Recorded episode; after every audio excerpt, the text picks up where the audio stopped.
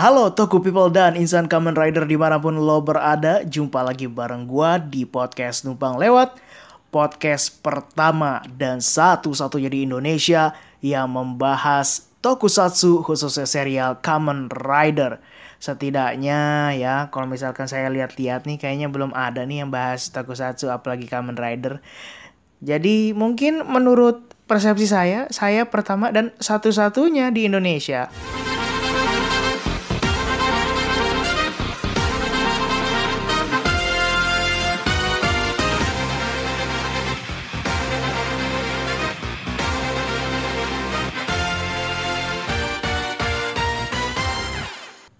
Jadi hari ini kita mau bahas apa nih?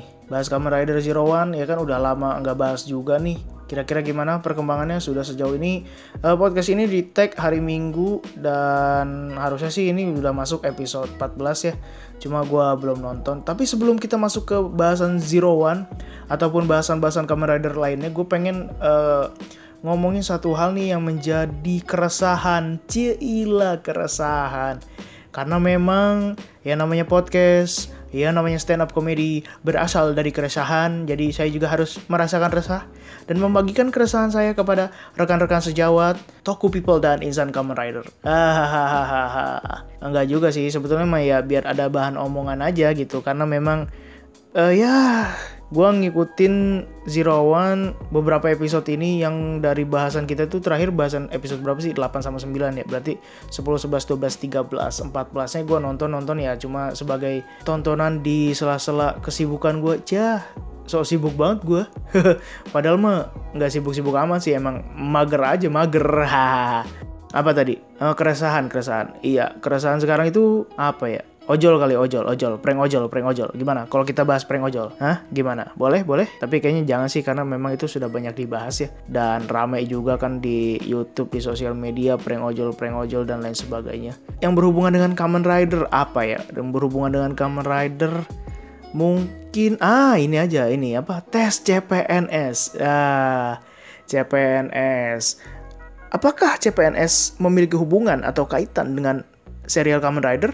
Oh, tentu ada. Maka dari itu, judul dari podcast episode kali ini adalah Kiat Sukses Lulus Tes CPNS. Ya, kira-kira ada kaitannya CPNS dengan Kamen Rider? Oh, tentu sepertinya tidak ada. Tetapi ya, kita akan mencoba mencari benang merahnya. Kalau misalkan memang tidak ada benang merahnya, maka kita akan cari benang gelasan ya gitu. Kita akan hubung-hubungkan saja CPNS dengan serial Kamen Rider. Karena memang ini adalah bulan November, bulan Desember itu kan CPNS dibuka, banyak orang sekali berlomba-lomba mendaftar untuk menjadi CPNS atau untuk menjadi PNS gitu. Ribuan jutaan mungkin ya, nggak tau lah bisa dicari sendiri di Google datanya.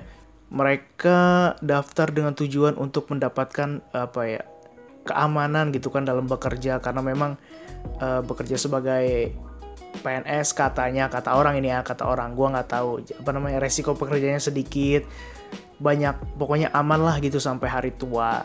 Apa pun pandangan lo tentang PNS ya itu balik lagi ke diri lo masing-masing gitu kan. Lo mau ikut mau enggak itu terserah. Atau lo mungkin menjadikan passion lo untuk menjadi PNS ya silahkan gitu. Yang penting mah kita bekerja berusaha berikhtiar untuk diri kita untuk keluarga dan untuk Tuhan yang Maha Esa. Wih mantap tidak? Apa pun pekerjaannya. Karena apa pun pekerjaannya di mana pun pekerjaannya punya tantangan dan punya resikonya masing-masing. Asik nggak tuh? Padahal saya orang yang sedikit sekali bekerja gitu ya. Alis banyak nganggurnya tapi ngomongin tentang pekerjaan gitu ya. Balik lagi ke PNS nih, balik lagi ke PNS itu banyak dari teman-teman gue juga yang ikut daftar CPNS gitu. Dan banyak banget yang alasannya tuh kayak ah gue mah iseng-iseng aja ikut CPNS iseng-iseng iseng-iseng dia bilang iseng-iseng. Harusnya sebagaimana orang iseng itu kan ya iseng gitu kayak niat nggak niat ya kan? Lolos syukur nggak lolos juga ya nggak apa-apa gitu. Ya seniat-niatnya orang iseng ya ya nggak niat juga sih. Cuma kadang omongan ini tuh yang bikin gue sebel gitu yang bikin gue gerah yang bikin gue resah anjay resah. Karena orang tuh bilang iseng iseng-iseng gitu cuma iseng-iseng tapi dia mempersiapkan segala sesuatunya itu tidak dengan iseng gitu. Jadi apa gua merasa apa yang ia katakan tidak sesuai dengan kenyataannya. Ya kalau lu iseng ya udah iseng aja gitu daftar-daftar di mana gitu. Kayak gua pribadi sih gua gue juga daftar cuma ya gue iseng, gue iseng karena gue iseng wah ini mana nih gue daftar di akhir-akhir kan ini mana nih masih buka oh ini ya udah daftar aja gitu nah itu baru iseng. Tapi balik lagi ke pandangan juga pendapat orang lain-lain ya kan? Beda kan? Ya seiseng-isengnya lu kayak misalkan ah, gue iseng pengen pengen apa ya? Pengen main bola gitu kan? Pasti lo juga mempersiapkan segala sesuatunya kan? Lo iseng main bola lo nyiapin baju bola jersey sepatu dan lain sebagainya gitu. Itu se apa ya? Sekilas tentang PNS nah lalu apa kaitannya dengan uh, Kamen Rider? Oh, jelas ada dong. Bahkan PNS itu berkaitan dengan serial Kamen Rider yang sedang tayang pada saat ini, yaitu Kamen Rider Zero One. Kalau misalkan kita berbicara PNS, CPNS, karyawan, dan lain sebagainya, berarti ini adalah suatu pekerjaan yang akan kita pilih. Nah, kaitannya apa? Kaitannya adalah di Kamen Rider Zero One itu kan ada tokoh tokoh utamanya si Kamen Rider Zero One yang namanya itu Hiden Naruto. Hiden Naruto di situ dia digambarkan atau dia adalah seorang CEO dari sebuah perusahaan yang bergerak di bidang artificial intelligence.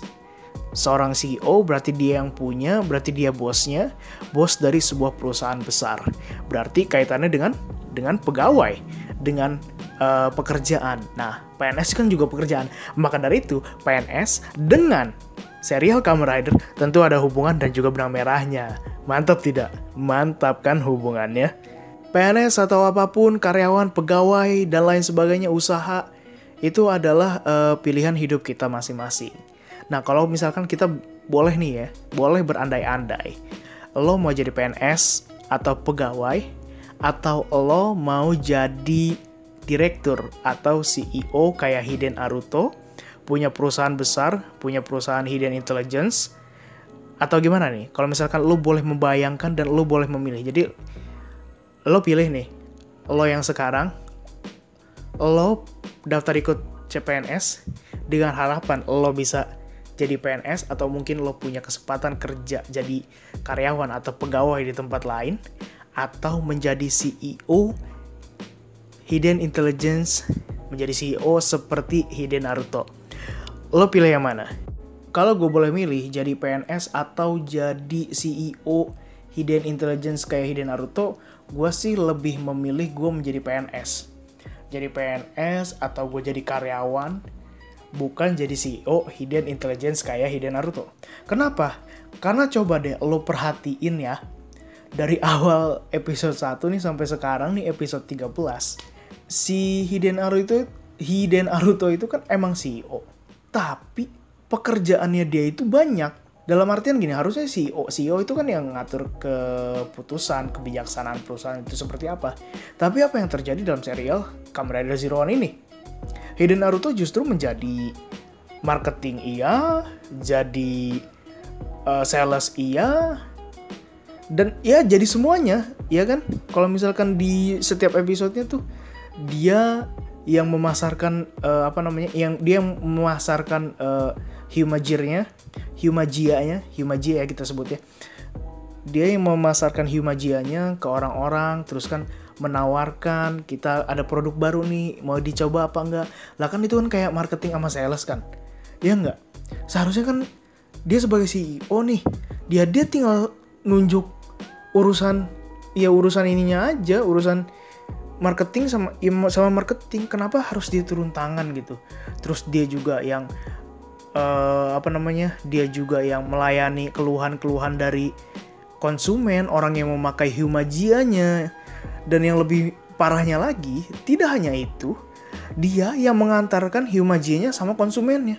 Artinya apa? Ya dia jadi kurir juga lah ini semuanya sama dia. Jadi uh, apa namanya jadi marketing jadi sales jadi customer service ya kan? Ibarat kata jadi ini juga jadi kurir. Lah dia CEO apa anak magang? Semua semua semuanya dikerjain sama dia. Nah iya jadi begitulah kira-kira. Nah lo kayak gimana tuh lo mau jadi karyawan biasa, jadi PNS atau mau jadi CEO dari Hidden Intelligence seperti Hidden Naruto. Atau mungkin ketika lo jadi CEO misalkan ya lo punya kebijakan lain gitu, semua semuanya bukan lo yang mengerjakan tapi lo yang mengerjakan semua semuanya.